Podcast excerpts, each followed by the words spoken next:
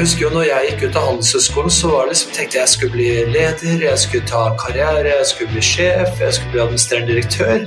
Men mitt råd til, til folk jeg møtte, er ikke spør deg selv hva du skal bli. Du må tenke på hvilke problemer du vil løse.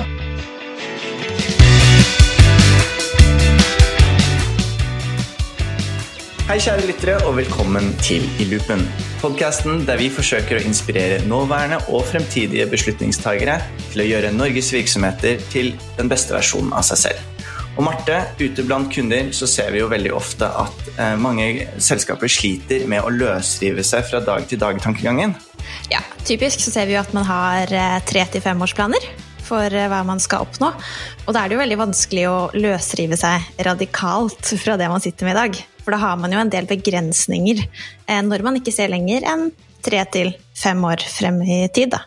Ja, og, dette gjelder jo også egentlig oss selv òg, som ansatte. Vi blir ofte veldig fokusert på å forbedre oss selv og, og, finne ut hvordan jeg kan klatre karrierestigen innenfor de rammene jeg er inn i. Og i stedet for å heller kanskje tenke litt eh, radikalt annerledes, disrupte seg selv og finne ut av hva er det som gir meg energi og lidenskap i det jeg jobber med. I dag skal vi rett og slett gjennom en læringsreise. Vi skal diskutere langsiktig strategiplanlegging. Vi skal høre fra en uh, veldig inspirerende fyr om hvordan han har klart å zoome ut fra dagens utfordringer, og egentlig litt filosofisk heller klart å tenke hva er det jeg har lyst til å etterlate meg, og hva er det jeg har lyst til å jobbe med resten av mitt liv? Mm. For I dag skal vi jo snakke med deg, Anders Lier, eh, som etter en lang karriere innen tech consulting har holdt på en masse tidligfaseinvesteringer, bl.a.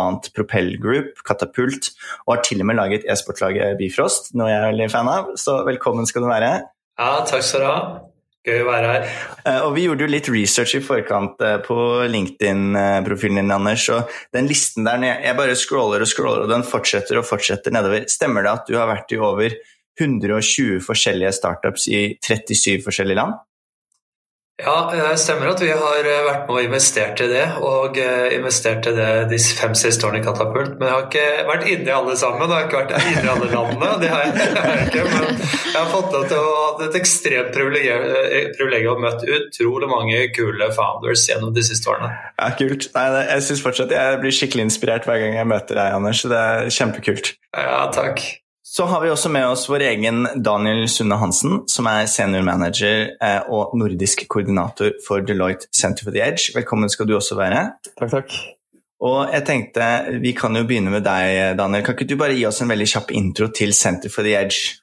Ja, Center for the Edge er egentlig en tankesmie og en eh, katalysator for endring, som vi liker å kalle det, som ble starta i Silicon Valley for 14 eh, år siden av John Hagel, som tidligere har vært gjest i Loopen. Og vi har eh, etablert oss i Europa, men også i Asia og Australia, og har som mål å skape perspektiver som burde vært på topplederens agenda, men ikke er det i dag. Så dermed Vi gjør forskning, men vi skaper også dialoger, arenaer, eh, der vi bringer toppledere ut av den vanlige tralten da, kanskje, og inn i en verden der de kan oppleve at nye perspektiver eh, møter hverandre, skaper nye brytninger. Mm. Når vi tenker eh, eh, liksom denne vanlige tralten som du beskriver. Altså, for å ta det på et sånn personlig perspektiv, da, Marte, Daniel eh, og jeg vi sitter jo veldig trygt i et etablert og ganske godt kjent selskap og han sikker stige foran oss. Og vi går jo også på en måte i vår daglige tralt, eh, rigget for læring. Det er jo fryd og gammen, det, men er det egentlig det? Tenker vi liksom Anders, du har jo også tidligere jobbet sånn. Du har jo høslet og vært uh, VP i Capgemini og, CEO i, i, Tera. Fortell litt om hvordan, den, hvordan det var for deg uh, da. Ja, eh, du, eh, Det er veldig kult og disse temaene her. og jeg må bare si før jeg svarer på at John Hagel Jeg traff han sommeren 2016 i Silicon Valley på Singularity University. Og han av alle ting, eh, så er litt sånn kontraintuitivt, han som jobber i Deloitte, han hjalp meg til å på en måte realisere mine drømmer om å gå ut og jobbe med startup og osv. Og, det er aldri for sent å følge drømmene sine. Jeg hadde det helt fantastisk da jeg jobbet i corporate. Men i dag er jeg en corporate dropout, eh, så eh, jeg tar med meg det beste som corporate har gitt meg, og bruker det nå inn i startup-verden. Og Jeg vet ikke om dere kan se det på callen, men, jeg har en del grått hår, så jeg har blitt sånn Silver Fox-morne. så så tenkte jeg at nå var jeg begynt å bli litt gammel. Kanskje er, min kunnskap har gått litt ut på datoen, men på ingen som helst måte. Det dere lærer i Deloitte, det, det Deloitte lærer til sine kunder den reisen man har i consulting spesielt, da, som jeg har jobbet med, er helt fantastisk. Dere sitter jo på skolebenken hver dag. Man, man, helt, man, skal gi kunnskap til kundene sine, så da må du være ett skritt foran kundene. Være litt mer pålest og, og eh, kunne gi råd, thought leadership etc. tilbake til kundene. Det er jo bare et fantastisk privilegium. Så jeg syns eh, den eh, tiden gjennom Capgemini, Itera, Enoro, hvor jeg jobbet med software for fornybar energi, det var bare helt fantastisk. Du nevner uh, ditt møte med John Hagel her nå. Ja. Vi kan jo ikke la den uh, gå. Kan du ikke fortelle oss litt mer sånn uh, Hva var det som inspirerte deg med det møtet? Du, det skal jeg gjøre, men da, da, må jeg nesten bare fly tilbake til Mumbai, hvis jeg kan få deg til å fly dit ja. først. Så klart. Jeg, jeg, blir gjerne med deg nå, jeg er ganske reise, reisestunk. Ja, vi hadde ja, det er tøffe tider i India nå, dessverre. Jeg, har, eh, jeg landet i Mumbai første gangen i 2003. og Da var jeg frequent flying VP, som det het i Capgemini. Eh, og eh, reiste hadde jo Det var helt crazy, egentlig. 200 flyturer i året. Fløy på dagstur til Mumbai, holdt på. Ikke bærekraftig i det hele tatt. Men det, det er en annen del av historien. Men da jeg jobbet jeg med outsourcing og leverte da høykvalifiserte IT-ressurser til verdens ledende bedrifter. Men aller første gang jeg landet i Mumbai, det var jo da kom jeg inn, uh, sittet godt på business class, uh, hadde på meg dress-slips uh, som man hadde den gangen, og det sto en kar med et skilt, det sto Anders Lier. De pleide å kalle meg Mr. Liar, da, som etternavnet mitt blir ofte Liar når jeg flyr. Men, det var, men, det var, helt sjokkerende, da. For når jeg kom da sånn ca. klokken to om natten til Mumbai flyplass, så var det flere folk der enn i Fredrikstad, der jeg bor.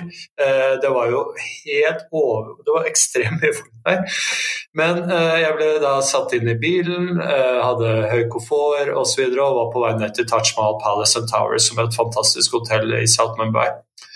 Men så kjørte vi ca. 300 meter, og så stoppet vi et lyskryss. Og i det lyskrysset så bodde det fire-fem familier, og da, da gikk det en eh, halvnaken eh, gutt og jente på to-tre år eh, rundt krysset midt på natten. Og jeg ble helt lamslått. Eh, jeg merker jeg får goosebumps av det nå i dag, hvor, hvor, hvor mye det påvirket og faktisk situasjonen at jeg bare rett og slett begynte å grine. Jeg satt der og følte eh, en enorm hjelpeløshet og så en enorm nød som på en måte ikke vi er vant med her hvor vi kommer fra. Vi er jo, vi er jo på nesten eksplodert ut av Maslows behovshierarki, vi som bor i Norge. Mm. Eh, vi har det fantastisk. Men men på den turen hjem etter det, så satt jeg der og tenkte veldig mye på hva, hva skal jeg gjøre. Jeg er nødt til å på en måte bidra tilbake til det samfunnet jeg er en del av. Jeg jobbet jo globalt og, og jobbet, skulle begynne å jobbe i India. Etter hvert så viste jeg at jeg har jo gjort 100 turer til India. Men da skrev jeg på servietten på retur, eh, når jeg satt og så på en film og kanskje drakk et glass champagne Eh, Men når jeg våknet dagen etter, så så jeg på den servietten og stod at jeg, Anders Lier, skal bidra til at én million jenter i India får utdanning. Og eh, Det var et ganske hårete mål. Jeg har skjønt nå at det heter moonshot. Og, men det som skjedde var at vi begynte å jobbe med dette, og vi hadde jo noen tusen jenter i det utdanningsprogrammet til å begynne med. Men uh, så fikk jeg til å jobbe med Anand Mahindra. Han sitter på styret på Harvard Business School, og han kjenner Michael Porter. Og så ble det mye snakk om hva gjør vi Vi kan ikke basere dette på grantsgiving og charity. Hvis du skal gi utdanning til jenter og sier du skal få utdanning i ti år, så kan du ikke slutte i det tredje året, det fjerde året. Da har du forpliktelse til å fullføre. Men så endret dette seg til eh, Så tenkte vi nei, vet du, vi kommer til å ta betalt for utdanning, så vi endret modellen til social for profit. Og eh, social profit ble senere det jeg kaller nå impact investing, eller på en måte det å investere i bedrifter og prosjekter som gjør noe bra for verden, og samtidig tjene penger, så du får, en bærekraftig forretningsmodell. Og eh, Vi har ikke nådd én million ennå, men vi har 250 000 jenter i utdanningsprogrammet. Verdens største utdanningsprogram. Vi har fått eh, masse priser. Vi har fått Jo Nesbø har donert penger til oss fra Are Ole-stiftelsen et par ganger. Så det er utrolig meningsfullt.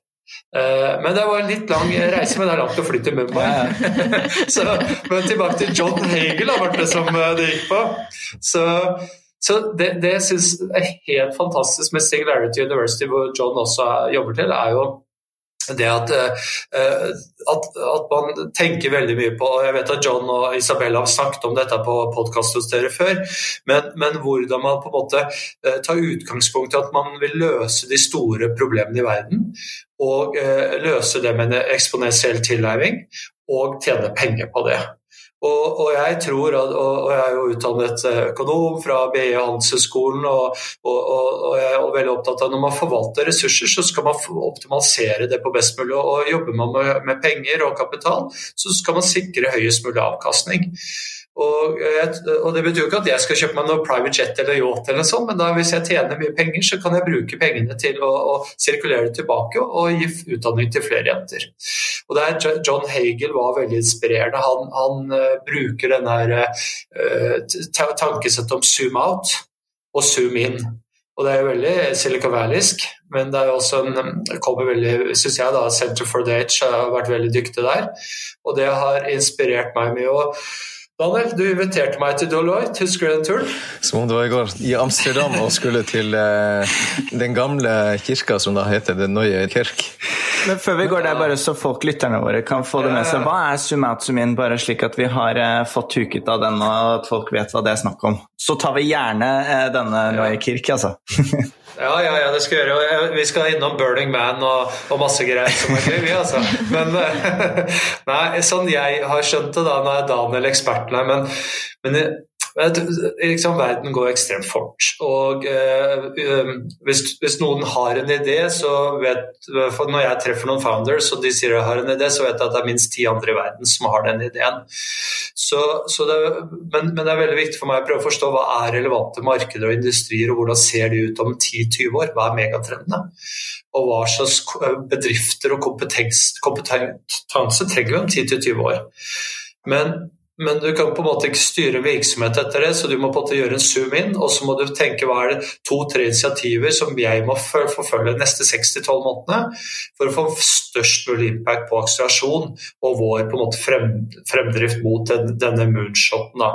Noen, noen ganger kaller jeg det moonshot og roofshot, men eh, Daniel, eh, er jeg på viddene, eller eh, treffer jeg? Så Anders, du er en fantastisk ambassadør. Det er perfekt. Som jeg skulle sagt det selv. Ja, og når du sier kort, kort frist, hvor, hvor, kort frist er det du tenker da, Anders? Når du sier long, short term and zoom in? Ja? Når jeg gikk på Handelshøyskolen, så lærte jeg at jeg måtte ha femårsplaner, strategiplaner, så det forkastet jeg for lenge siden.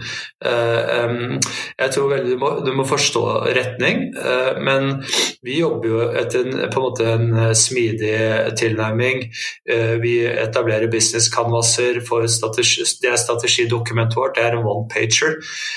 Og så jobber vi etter med, med standup, så jeg har jo ukentlig standup med teamene mine, jobber etter en backlog litt sånn typisk smidig systemutvikling. Men seks til tolv måneder er det typisk vi har eh, perspektiv på. Veldig bra. Vi har snakka tidlig om at du hadde lyst til å implementere zoom out, zoom in-tankesettet. Det ser ut som du er kommet et langt stykke videre med, med det, siden vi snakka sammen forrige gang.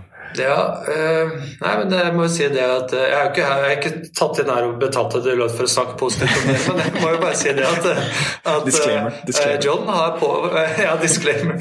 Nei, John har påvirket meg veldig og influert meg og inspirert meg veldig. Og, og våre samtaler, Daniel, rundt Center for the Age. Men, men, det er jo fordi at på en måte det føles det logisk og riktig. Det, det går jo veldig raskt nå. og jeg jobber jo med software-løsninger, teknologi, og eh, vi jobber jo med bedrifter som, eh, som vi ønsker å på en måte skal prøve å løse et stort stort problem. Og Det er jo ikke noe vits å prøve å løse et stort problem innenfor Ring 3 i Oslo. Det er på en måte en utrolig fattig ambisjon. Eh, så, så, vi prøver å finne problemer som er relevante for store regioner eh, ja, eh, globalt. Og, og, da må du på en måte Da er konkurransen så intens, og da må du løpe veldig veldig veldig raskt. Og jeg klarer ikke å løpe noe raskere, eh, så da må jeg tenke eksponentielt. Og det er egentlig mye av det som ligger bak John Egels tankesett, eller ditt tankesett, Daniel. Vi har snakket mye om eksponentielt kontra lineært tankesett, så det syns jeg er fascinerende. Så, men det kan jo, Daniel, vi, skal vi ta litt rundt dette med eksponentielt kontra lineært? Vi, vi, vet jo det at hvis vi går 30 lineære skritt, eh, hvor langt kommer vi da? Det er jo helt logisk, det skjønner vi alle. Da kommer vi bort til kaffemaskinen der borte, kanskje. Eller eh, kanskje ut av eh, leiligheten og ned på gaten til postkassen. Eh, men, eh, men, hvis du går 30 eksponentielle skritt, og hvert skritt dobler seg hver gang, hvordan kommer man da? Eh, jeg, tror, jeg, husker ikke tallet nå, men du, Daniel, du husker det? Det er vel halvvis til måneden, apropos det. Jeg husker heller ikke Da snakker vi moonshot. Da snakker vi moonshot. Det er ordentlig, ordentlig moonshot. Det er i hvert fall noen syke tall, sikkert, når sånne ting ja. dobler seg. Jeg tenker det, det, er et kjempeviktig poeng, og man har jo hørt det mye, og det blir gjentatt. Det med at, at prisen på, på chipper blir billigere og billigere, samtidig som ytelsen øker og øker, er jo det klassiske eksempelet. Men det å forstå da de langsiktige innvirkningen det får over tid. Det er der vi stort sett blir ganske dårlige. Og så er jo det også kanskje fordi det ofte er så komplekst. Der hvor disse eksponentielle løsningene kommer til, er jo hvor flere teknologier og flere ting får en på en måte en crest sammen, og til sammen blir en eksponentiell vekst. Og jeg tror det er kanskje der også hvorfor det er så vanskelig å identifisere de mulighetene her, for det er så mange faktorer som må spille inn på det samme stedet. Ja, og, mm. men jeg kan ikke slippe John Hegel helt ennå. fordi at Eksponentiell teknologi det snakker vi masse om, og, det er så mye buzzword. og Jeg som kommer fra konsulentbransjen, må, må, må vokte meg litt. Men si, si, den svarte boks-problemstillingen rundt uh, kunstig intelligens eller content computing da, Nå går jo Moores lov raskere enn hva Moore selv uh, definerte den som på 60-tallet. Men, men, jeg, jeg er veldig mer, kanskje mer opptatt av å snakke om eksponentiell organisering og eksponentielt mindset. Og eh, ikke sant, vi sammenlignet med Deloitte så har jeg Propell et ganske lite selskap. Vi er 10-12 ansatte, dere er noen flere, så har jeg hørt. Men, par, så, par. så, jeg prøver å tenke Et par flere, ikke sant. Men så jeg tenker hvordan kan, hvordan kan jeg uh, påvirke, og hvordan kan jeg jobbe med flest mulig folk rundt meg i et nettverk, i et community, og bruke en eksponentiell organisering. Så, og det, det, gjorde vi veldig godt i Katapult, hvor vi utviklet et globalt community hvor veldig mange personer som som like-minded folk som har lyst til å bidra til å påvirke noe, en positiv fremtid, er med og, og bidrar. Og jeg tror liksom Det vi kalte tidligere gig economy, hvor du på en måte gjør en gig, du gjør et oppdrag, så tror jeg vi på en måte har gått forbi det, og, og vi er mye mer into på en måte the passion economy, hvor folk har passion for et eller annet. Og så på en måte, eh, Før så var det et smalt lite nisjeaudience, for da kunne du stå på Speakers Corners i London liksom, og snakke til de som sto foran deg, men i dag så er Speakers Corners det er verden. Og Det betyr egentlig at du trenger bare 1000 kunder som betaler deg 10 dollar hver, så har du en good living. Og jeg tror denne her, på en måte passion eh, economy og eh, eksponentielle organiseringer de kommer sammen, og de forsterker hverandre. Jeg er så glad du, du nevner altså nettopp det med, nettverket, Anders. og jeg tenker Akkurat her er det et så stort potensial for å tenke vekst gjennom nettverk, også for etablerte ja. bedrifter.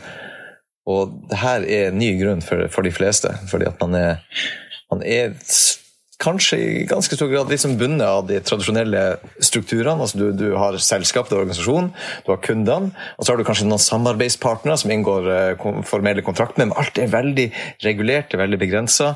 Det er klart det, er masse, masse muligheter, selvfølgelig, men versus det mer ekstreme du er inne på nå. altså Hvis man klarer da å koble seg opp mot nettverk der du har tilgang til ressurser som ikke nødvendigvis er dine, men det er et felles mål man kan oppnå ved å vinne samarbeidet og at du da dermed har den det vi kaller leveraged growth gjennom, eh, gjennom systemet og økosystemet. Og der er, der er eh, Unnskyld, men der er liksom Deloitte da, og det, dets like kan spille veldig god sånn eh, fasilitator sammen med økosystemet av startups. Så, vi, vi, vet jo enorm kraft eh, entreprenører kan ha. Vi har jo ja, Elon Musk, men vi har jo Olav Thon, vi har masse flotte eh, eksempler på hvilken kraft de gjør. Men jeg tror også på styrken av eksponentiell teknologi.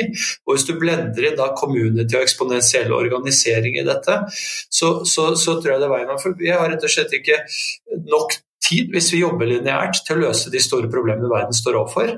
Eh, så Derfor må vi gå den veien. og Jeg er superhappy av å få se aktører som dere da, eh, på en måte bruker, og det er det zoom in, zoom out. og Det er John sier, at det er jo Silicon Valley-tilnærming på hvordan du skal utvikle bedriften dine. Mm. Det, jeg tenker akkurat det du, det du er inne på nå, med også at man eh, kobler seg sammen i nettverk der man kan lære raskere sammen, og at det er verdien. At det, det handler om og, eh, og, at gjennom det kan vi lykkes med å nå de utfordringene, og, eller møte de utfordringene og nå de målene. Og at det er ja. Ja, Unnskyld at jeg avbryter, men jeg, jeg, bare tenkte på kirke, kirken vi var i, i Amsterdam. Og så, så, så Daniel, du, er du en shaper eller er du en follower? Jeg er en shaper, og det beviste jo ganske tydelig da vi ble tvunget til å, å, å velge hvilken dør vi skulle gå inn i når vi skulle inn i den uh, i... Dere må jo bare forklare den uh, hva, hva, er dette her nå? det høres ut som det er to kristne karer som drar til Amsterdam, men, men uh, det, var, det, var, ikke backdropen. Det var at Daniel og teamet, det globale Deloitte-teamet som står bak Center for Edge, inviterte meg til et fantastisk spennende venue i Amsterdam. Eh, og det var ikke bare meg, men noen få andre eh, folk fra Europa. Eh, og det var en event hvor vi møtte bl.a. Andrew McAfee fra MIT, og hvor vi jobbet, snakket om datadreven beslutningstagning. Blant annet. Så det stemmer ikke det, Daniel? Absolutt. Altså det, det var, vi har et sånn årlig arrangement der målet er å kunne litt som jeg nevnte innledningsvis, å inspirere og begeistre toppledere. Og også lett, lett på, for å sette litt på spissen, også bidra til å gi mot også til å begi, begi seg over i det mer altså, radikale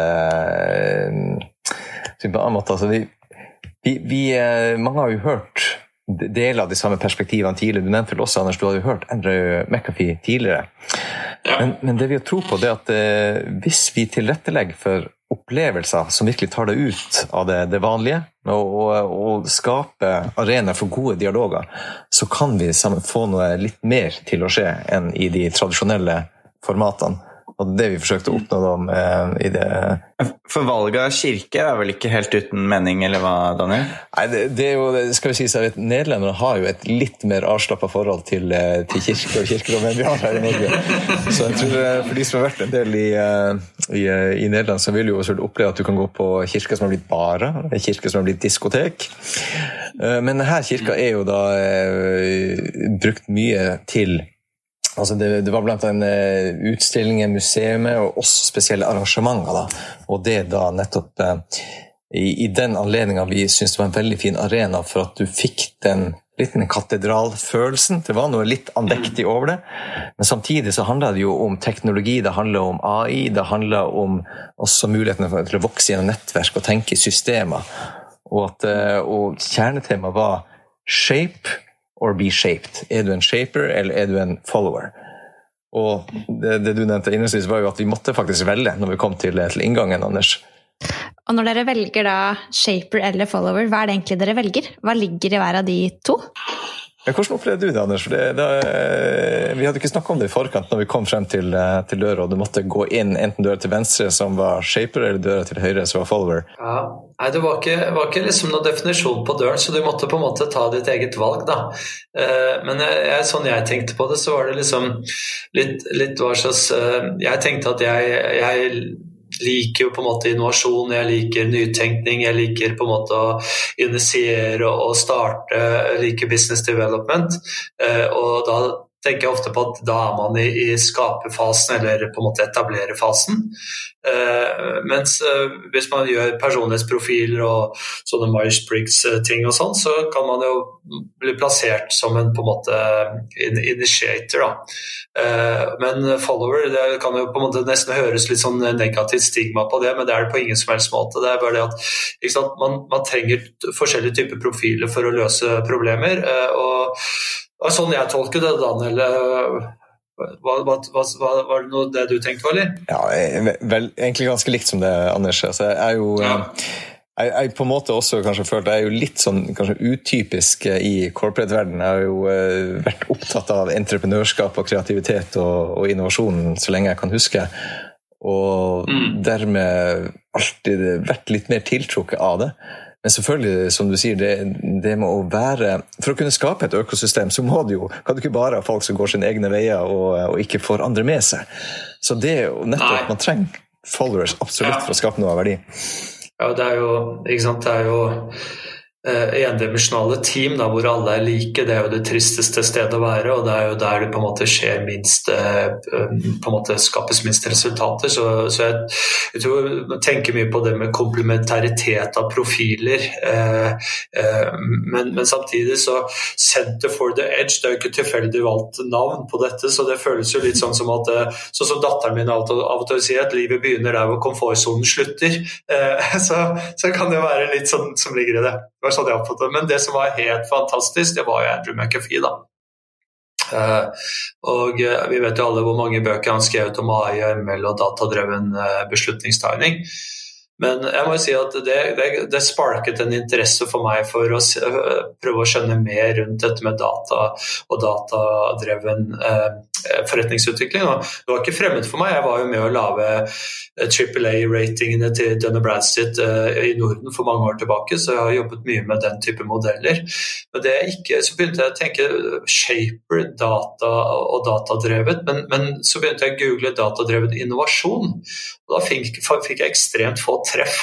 Så begynte jeg å gå an å på en måte nærmest sitte på kanten av dataleken, eller datainnsjøene, databasene, med data scientist, bruke software engineer, hente opp data, prototype on the fly nærmest, med sånn smidig utvikling, og, og, bruke data til å innovere på vegne av toppledelsen. Og Det jobber vi med nå i Propell. altså Jeg har et uh, en business unit som heter Propell Eh, intelligence, hvor vi driver med datadrevet innovasjon. Og det er en direkte eh, på en måte avløper, eller ble direkte, direkt inspirert av den eventen hos, sammen med deg, da, Daniel. Mm. Fantastisk å høre. Liksom, eh, hvis vi da putter det der eksponentielle inn i, inn i den, den, propell, hva er det som på en måte gjør den teknologien eksponentiell? Ja, det er jo, ikke sant, Eksponentiell teknologi finnes, det finnes jo mange eh, sånn kraftfulle teknologier, men uh, innenfor området med data så er det jo ofte man tenker på, på med, med, kunstig intelligens. da. Og, uh, og, det som skjer er jo at på en måte teknologiens effekt dobles i, i gitte perioder, men da også på en måte kosten ofte halveres i samme periode. Og det vi ser nå er at Kunstig intelligens for eksempel, Det er jo et, et, ekstremt kraftfullt verktøy for å gjøre bra i verden. Og, og hvis du så f.eks. hvor raskt, radikalt raskt vi lagde eh, medisin for eh, covid-19 Det hadde aldri skjedd hadde ikke man på en måte brukt eh, data, store datasett innenfor helse. Det går egentlig tilbake på en måte til CRISPR-teknologien, slike ting. Og så på en måte har man delt, delt dette globalt, og så har man klart å utvikle vaksiner. Men hvis du tar også kunstig intelligens, så er det veldig mye sånn svartboks-problemstillinger. Eh, men, men, du kan også tenke deg enda verre ting, sånn som weaponized AI. Eh, som er høyt på agendaen for mange. Og da føler jeg egentlig at vi eh, som kommer fra Norden, eh, vi som på en måte scorer høyest på trust av alle regioner og land overalt, vi som også scorer veldig høyt på levekårsindekset, sånn, vi har et spesielt ansvar for å tenke på det etiske aspektet ved bruk av kraftig teknologi. Så Derfor har jeg også investert i en del selskaper som, som, vi, som jobber med det etiske aspektet med teknologi, og bygger nå et eget fond som vi kaller et eh, Responsible Innovation Fund. og Der har vi investert i content computing-teknologi, blackbox-problemstillinger rundt det sosiale medier, analytics og AI og sånt. Ja. Kan du bare kjapt forklare blackbox? Eh, hva, hva ligger i det, bare sånn at alle er oppe på det? Det betyr jo at på måte du har eh, veldig mange, mye teknologikomponenter som, som, brukes, og bak der ligger det kode. Og eh, egentlig så er det veldig veldig få som har muligheten til å faktisk se inn hva denne teknologien gjør. Man, man bare forstår, eh, eh eller forstår hvordan den virker, mener jeg, men man, mange forstår bare outputen av det. Så det er på en måte det er, det er en ukjent materie, da, hva som skjer inni teknologien. Man bare ser utfallet av det. Jeg tenker Det er uhyre viktig det du, det du, jobber med nå, Anders. Jeg er jo uh, utrolig glad hvis vi klarte å gi deg en liten nudge i å, å, gå i retning av å utforske noe som er så fundamentalt viktig og vil i høyeste grad og allerede er med på å forme eh, samtida og, og framtida i nettopp som sier, eksponentiell uh, fart. Jeg syns det er litt interessant å høre på når dere forteller nå om denne kirkeopplevelsen deres eh, i Amsterdam. Fordi siden det var i en kirke, så må det nesten være lov å bruke ordet 'frelst'. For det høres ut som dere er litt frelst begge to fra den eh, opplevelsen. Men det jeg sitter og tenker på etter å ha hørt uh, hørt dere fortelle, er jo hvordan det egentlig var å komme tilbake til hverdagslivet etter det igjen, da, med andre rundt dere som ikke hadde vært der og opplevd det samme. Og det går egentlig både til Anders og Daniel. Hvordan, hvordan, klarer dere å spre de tankene og lærdommene dere fikk med dere der, til de, de rundt dere ellers? Nei, eh, Kjempegodt eh, spørsmål. og det her er jo kanskje en, utfordring også hvis man er liksom over gjennomsnittet begeistra entusiastisk. fordi eh, det er en sånn fin linje til at man blir den, den, liksom, den, den ja, rab, og kanskje litt sånn spesielt i, det kommer litt an på settingen, men det er klart i en sånn tradisjonell corporate-virksomhet så er det jo, hvis du bare står og snakker veldig begeistra om en virkelighet som andre ikke klarer å kjenne seg igjen i, så ender du opp kanskje enten med å, eh, ja, at du liksom ikke virker troverdig og, og eh, blir for ekstrem, eller så kan du også, også skape frykt. altså Hvis du fokuserer for mye på ok, nå, nå, nå, nå brenner det, altså, nå, må vi gjøre noe, så blir du også litt av den der eh, dommedagspredikanten.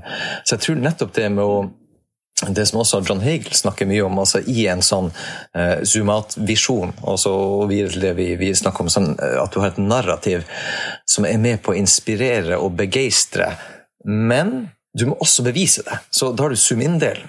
Altså, du, du, snakker også om det, Anders, men, men hvis, du, klart, hvis, du, bare snakker om det som skal skje 15-20 år frem i tid, og, og, og gir deg med det da, da, da, greier du ikke å inspirere, du greier ikke å mobilisere. Så vi har jo veldig stor tro på at det er nettopp i de at du demonstrerer, du tar de første stegene. Og Det jeg litt av ansvaret også som en shaper. At du må vise at det her er At du tør. At du tør å satse på det. Og jeg tenker Vi bruker jo det litt av eksempelet med med, Bill Gates og det han gjorde liksom med, eh, på, på 70- og 80-tallet. Altså med, med, med, når hans zoomat-visjon var at vi går, ja, ja vi, vi, går fra en verden med altså det, det, var jo tida der du hadde store datamaskiner som fylte rom, uh, og vi går fra mainframe computing til desktop computing. Altså Visjonen at alle kom til å ha en skrivebords-PC. Det var ganske mange som ikke trodde på det uh, i den tida, og det er jo litt veldig rart å tenke på nå, men det var veldig mye motstand rundt den ideen. Men så hans zoom out, zoom in var veldig veldig enkelt. Den var formulert til liksom én setning. altså alle kommer til å ha eh, desktop-skrivebords-PC-er, og vi må lage operativsystemet som gjør det her mulig. Og gjennom denne visjonen så begynte de jo å faktisk lage det, det som etter hvert ble, ble, ble Windows. Selvfølgelig, det her er jo en, en krokete historie som involverer veldig mye. Og, og, og, og til og med bl.a. Center for Edge blir startet opp eh, sammen med John Hagel, så har du han John Seeley Brown, som var en av de Xerox Park-ingeniørene som faktisk lagde det første eh, grafiske operativsystemet, som så ble, Steve Jobs ble veldig inspirert av. Men poenget var at ved å gjøre det, ved å faktisk demonstrere den, satte i gang å lage noe og hadde den visjonen, så greide de å inspirere det som etter hvert ble et stort økosystem av andre operatører som brukte eh, Windows som modell. Altså Først var det jo DOS, da, men etter hvert eh, Windows. Så jeg tror nettopp den, det ved å gjøre det, er det som klarer å mobilisere og skape tiltrekningskraften som overbeviser andre. Og med den, særlig den zoom-in-delen, da, når du får de praktiske, mer kortsiktige aksjonene, er det der du tenker at man får på de rundt seg også? Ja, for du må jo altså egentlig Du skal jo inspirere andre til å, å slippe det de holder på med, til, til å, å, bli med på den visjonen, bli med på den reisa. Og jeg tenker, Hvis du ikke sjøl liksom, kan si, altså, get skin in the game, hvis du ikke går uh, all in, så er det, hvordan skal du få med det andre på det? Du må også gjøre det tangible. altså Du må, du må, du må kunne ta i det, og det er den 6-12 månederen gjør. da. Ok, Men hva gjør vi i morgen, etter vi har hørt denne podkasten her, liksom? Ja, jeg er helt enig med Daniel. Det dreier seg om, det dreier seg om rett og slett å, å, gjøre ting, ikke snakke. Uh, gå ut og faktisk gjøre det. Men jeg føler meg superprivilegert. De siste årene har jeg fått lov til å jobbe med så utrolig mange uh, entreprenører. Og, og, masse unge, men også mange voksne. Men entreprenører har en sånn ekstremt nysgjerrighet. og jeg husker jo når jeg gikk ut av Handelshøyskolen, så var det liksom, tenkte jeg jeg skulle bli leder, jeg skulle ta karriere, jeg skulle bli sjef, jeg skulle bli administrerende direktør. Men mitt råd til, til folk jeg møter, er ikke, spør deg selv hva du skal bli. Du må tenke på hvilke problemer du vil løse. Og, og, det er veldig mange som på en måte kommer til meg som, som har den mentaliteten, så de er veldig åpne for nye innspill osv. Og, så og um, bare siden 2016, når jeg var på Singularity første gangen, så, så, merker jeg det at dette er på en måte dagligtale. Det er daglig uh, Man bruker eksponentiell uh, tankesett og teknologi osv. for å løse sine problemer. Det går så raskt. Så jeg er superoptimist. Jeg bare merker hvor enorm drive det er. og Eh, Norge er i ferd med å gå fra en startup nation til en scale-up nation. Og eh, vi ser masse positive tegn med entreprenører som har gjort exiter, reinvesterer pengene sine i økosystemet osv. Så, videre. så jeg tror at eh, denne på en måte, Vi er som nasjon og er på en liten eksponentiell kurve også, så jeg er veldig optimist på en av det der. Ja, ville du sagt på en måte at Norge til, i hvert fall til nå kanskje ikke har vært like flinke på å ta den zoom out? Perspektivet, eller, eller hvordan opplever du det norske Ja, ja. ja?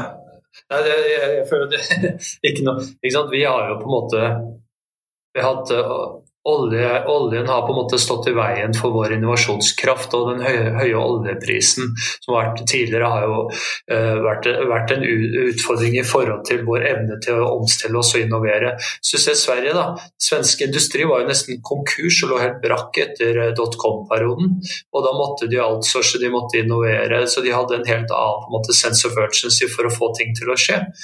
Men, men jeg vil legge det egentlig litt bak meg, for jeg føler at uh, nå, de siste årene, så har det skjedd så mye spennende ting. Se på Vision Fund, investeres tungt i Norge hos eh, Carl på kolonial.no, og ja, nå har de bytta navn, da, men etc.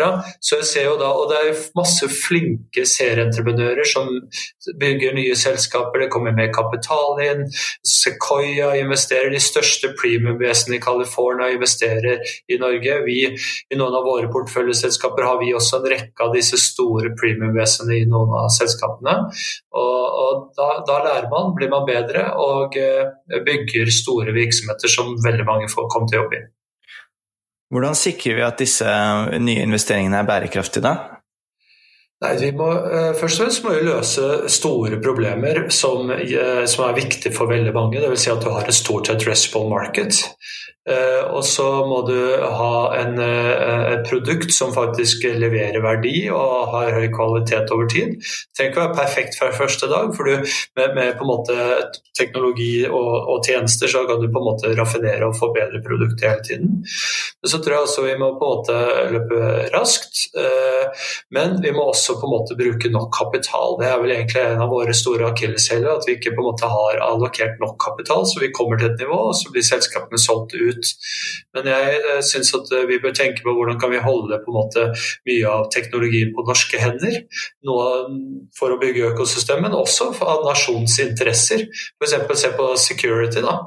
Eh, alle store nasjoner har sikkerhetsselskaper som håndterer sikkerhetsproblemstillinger for en nasjon. Vi er ikke der som nasjon selv. Stortinget ble hacket. og Det kan bare være ett enkelt område av ting som vi burde på en måte ha mye kapital på, som vi burde på en måte eie selv og utvikle selv. Mm. Jeg vil gjerne henge med på, på den der, eh, Anders. Jeg, jeg, er, jeg, er veldig veldig enig. og jeg tenker at Vi i Norge har et fantastisk potensial for å begynne der. Med, med, med altså Vi er høyt uh, utdanna befolkning. altså vi, vi, har kommet langt med den teknologiske utviklinga på mange måter. Og vi har den fantastiske tillitskulturen. Men det er interessant også, du ser nå, Det finnes en del studier som peker retning på at uh, vår tidshorisont er ikke så veldig, veldig lang. Og Sammenligna med f.eks. Nederland. Nederland. De har mye av det samme i Norge eh, som i Norge. Eh, når det gjelder kulturelle trekk, og også mye sånn, ganske sånn egalitær kultur og, og, veldig rett frem. Men de har mye lengre tidshorisont. Og jeg tenker Det er jo kanskje også noe som viser seg med, med Nederland som handelsnasjon, og det de har klart å skape med lite geografisk land, har jo virkelig vært en stormakt veldig lenge. Og jeg tenker Det mulighetsrommet vi kunne skapt, i, eller har i Norge, med vår, de tingene jeg nevnte i sted, altså med teknologi, med, med, med, tillit og Hvis vi klarer å kapitalisere på det her, på en måte kanskje som det du inne på eh, nevnte i sted, altså med, med AI og med og også det potensielle fortrinnet vi har med den tillitskulturen. Kanskje kan vi, kanskje kan Norge også være i denne konteksten, være med på, på å shape eh, nye typer miljøer, plattformer, mm. teknologiske, ja. fysiske, der vi kan gå i bresjen med, med en utvikling som trengs på, på verdensbasis. Jeg liker det, Daniel. Og det er mange på en måte attributter og kvaliteter ved det norske samfunn som gjør at vi kan ta en global posisjon. Jeg snakket om tillit tidligere. Vi, vi har også, for når det gjelder data, så har vi store eh, nasjonale databaser som er tilgjengelige, som man kan involvere på. Så nå Kartverket gjorde tilgjengelig hele sin matrikkel for startups nå fra 1.1. Det er helt fantastisk. Vi har allerede fått tilgang til å jobbe med noen av de dataene. Eh, og, men jeg tenker, jeg hadde også lyst til å, å, å ta meg selv tilbake til Burning Man. Jeg lovet jo at jeg skulle kommentere det. og vet ikke hvor mange av de som hører på som kjenner Burning Man, ja, men vi som sitter her har pratet litt om det. og det er jo... Hvilket strategisk rammeverk er det, Anders? det er jo ganske kult. Det er en lang historie, men det var jo på en måte tech-hippien tech i, i, San Francisco på en måte som ønsket å samles. og Det som jeg liker veldig godt nå, er det jo en veldig stor event ute i Black Rock City ute i ørkenen i Nevada. Men eh, de har noen prinsipper, og, og det syns jeg egentlig er veldig veldig fine prinsipper som passer godt til det du snakker om nå, Daniel. For vi har jo på en måte dugnad. Vi har å bidra tilbake til samfunnet. Og eh, Burning Man har ti prinsipper med radical inclusion, du har et gifting society etc. Men det som jeg på en måte aldri brukte som term når jeg jobbet i store bedrifter og corporates, det var termen det å på en måte to pay it forward. Og, jeg liker det uttrykket veldig godt. Jeg har laget en fantastisk uh, fin film om det. Men det å på en måte gi uten med tanke på at du skal få tilbake. Uh, og det er, et, det er, et, veldig veldig sentralt prinsipp i startup-verden. At man på en måte uh, pay it forward. Og du vet ting kommer tilbake til deg, og alt skjer for en grunn. Og jeg tenker liksom det er og, å det er et sånt sentralt prinsipp. og Det er noe eh, man lærer i ørkenen på Burning Man, eh, men det er også noe jeg syns man skal på en måte ta med seg tilbake inn i bedrifter. Og hvis du gjør det, det er helt fantastisk, så får du masse tilbake. Det er litt den open source-tankegangen vi ser. Eh, med Linux og osv. Det at liksom, hvis jeg åpner opp min kildekode, tilgjengeliggjør det for hvem som helst, og folk tar det i bruk, eh, ikke, og da ikke av egeninteresse, men så vil dette til slutt komme tilbake til meg på noe vis ved, ved å dele Da er det noen som kom, knekker en eller annen nøtt. Ja, ja. ja det utrolig spennende. Og det er faktisk tema i et nytt forskningsprosjekt vi, er i gang med nå, også i Center for the der vi også kommer til å se, også med utgangspunkt i norske bedrifter og norske forhold, men, eh, men på, med et globalt utgangspunkt, kan vi utnytte komponenten av tillit til å skape verdi gjennom økosystemer og gjennom systemer. Altså eh, nettopp det potensialet for systemledelse som, eh, som, ligger der. Hvis du tar utgangspunkt i at ok, vi, vi kan kanskje skape verdi sammen over tid, istedenfor at det trenger å handle om de mer transaksjonelle, kontraktsmessige eh, målene om kortsiktig profitt, som kanskje i større grad er kulturen i ja, I mange land, selvfølgelig også eh, Norge i mye grad, men men at vi kanskje har et mulighetsrom her. Ja. Og jeg liker jo det kjempegodt, og jeg snakker alltid veldig verdibasert i, i på en måte hvordan jeg lever livet mitt, men også bygger bedrifter. Og jeg tenker hvis, um, hvis ikke du har tillit, hva har du da? Har du noe i det hele tatt? Jeg tenker at tillit er en basic fundament for å, å gjøre business. Og, og hvis, som jeg sa tidligere, vi scorer høyest på tillitsskårene globalt, så sånn sett så bør det på en måte bli en eksportvare for oss. Det er jo en eh, sånn økonomisk modell som snakker om det at eh, det, der hvor du ikke har tillit, det skaper friksjon eh, mellom selskaper. Og den friksjonen er jo bra for noen, eh, liksom advokater, konsulenter, som på en måte sikrer transaksjonene eller relasjonene mellom aktørene.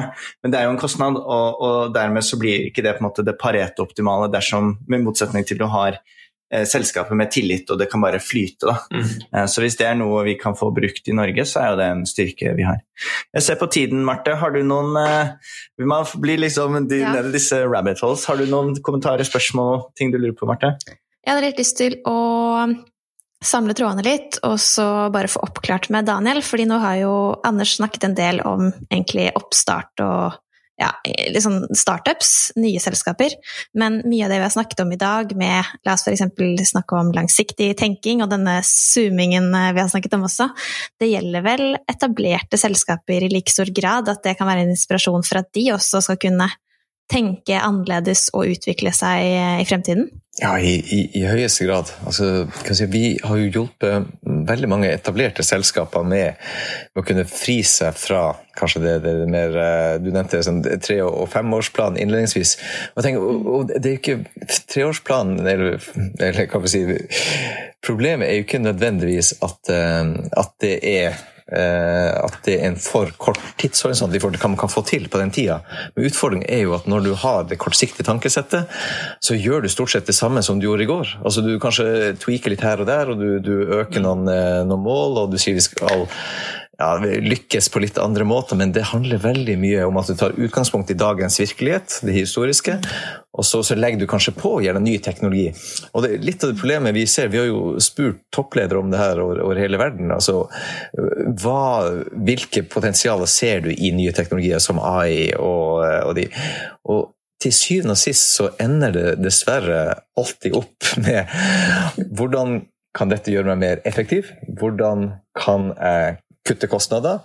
Eh, hvilke personer kan jeg egentlig kvitte meg med i ytterste konsekvens eh, ved å bruke denne eh, teknologien. Og Hvis du går tilbake til det du også nevnte, Anders, med potensialet som ligger i læring, og at vi bringer sammen mennesker som gjør at man kan lære av hverandre raskere og raskere, det vil, med utgangspunkt i det så kan du skape langt større verdi enn å optimalisere. Og det her, går tilbake til et, studie vi utførte for, uh, for, en del år siden som heter The Big Shift, der vi så på de amerikanske virksomheter, men likevel hvordan selv om vi har tilført lag på lag på lag med digitale verktøy, så har allikevel avkastninga på de investeringene gått, gått nedover. Dramatisk. Det, det finnes begrensninger for hva du kan oppnå med, og, med, effektivitet. Og du må stadig jobbe hardere for å bli litt mer effektiv. Og det lønner seg egentlig ikke i lengden pga. de teknologiske skiftene, pga. de mulighetene, fleksibiliteten som unge nye startups annet, kan få til, ved at det har blitt enklere noensinne å starte en virksomhet. Det har blitt enklere noensinne med å skape verdi på denne måten. Du nevnte i sted, Anders, med, med, med 1000 kunder med 10 dollar der. Så mm. utfordringen er jo rett og slett er det bærekraftig å tenke at veien til vekst er å skalere effektivitet. Og Det er jo det vi spør oss om, og mener at kanskje er det på tide å utforske hvordan kan vi skalere læring i stedet. Med den cliffhangeren så tror jeg vi må runde av episoden. Eh, hvis dere kunne bare delt én ting dere har lyst til å på en måte oppsummere deres nøkkel-takeaway fra denne episoden hver, eh, eventuelt eh, hvis det er noe du anbefaler lytterne å sjekke ut for å lære mer, så kan dere gjerne dele en, et innspill hver. Daniel, har du lyst til å begynne, så får Anders eh, litt tid til å tenke. ja, Nei, altså Jeg vil selvfølgelig anbefale eh, alle å ta en kikk på de perspektivene vi har lagt ut. Altså All vår forskning er liksom gratis tilgjengelig på våre, våre nettsider. Det, der vil du kunne dykke ned i det Anders nevnte med perspektivet fra John Hagel, studiene jeg nevnte i sted. Det er, det er veldig mye interesse der. Så, eh, og så vil jeg også anbefale alle å sjekke ut de eh, perspektivene fra ja, både Singularity University, men også de aktivitetene som, eh, som foregår i den randsonen av, av de shaperne som, som, som, er med på å vise vei videre. Så egentlig bare koble på kunnskapsstrømmer som gjør at du kan lære raskere. Det tror jeg det er kanskje fremste rådet jeg vil gi. Takk. Og Anders? Ja, jeg er frekk nok til å foreslå to ting, da, men eh, det, når, du, når, du, først snakker om læring, eh, Daniel, jeg er så 100% enig med deg, men jeg føler liksom at mange ganger så, så jeg lever i en så utrolig kjapp verden. Ting går så kjapt, og jeg får liksom ikke tid til å tenke lange tanker. Så, men hver morgen så, så, går, så leser jeg eh, en bok som var skrevet av, av en, en kar som bodde i Roma for et par tusen år siden, som heter Marcus Aurelius, og en bok om stoismen. Og den gir et, et, et kan lese et eh, visdomsord hver eneste dag om livet. Så jeg ville anbefale å plukke opp boken eh, om stoismen. Eh, men hvis du skal på en måte få et business-filosofisk perspektiv til Silicon Valley, så vil jeg anbefale alle å plukke opp boken fra Naval Ravikant, en fantastisk indisk-amerikansk entreprenør og investor. Supert. Tusen takk. Jeg tror med det så får vi runde av, Marte. Eh, hva skjer neste episode? I neste episode så skal vi snakke med CEO i Alente. Alente er da Kanal Digital og Viasat som nylig har slått seg sammen. Og vi skal snakke med han om hvordan det har vært å lede den fusjonen, altså den sammenslåingen av de selskapene. Tror det blir eh, dødskult, så det er bare å glede seg. Og med det så gjenstår det bare å avslutte denne episoden, Aleksander, med Vi høres.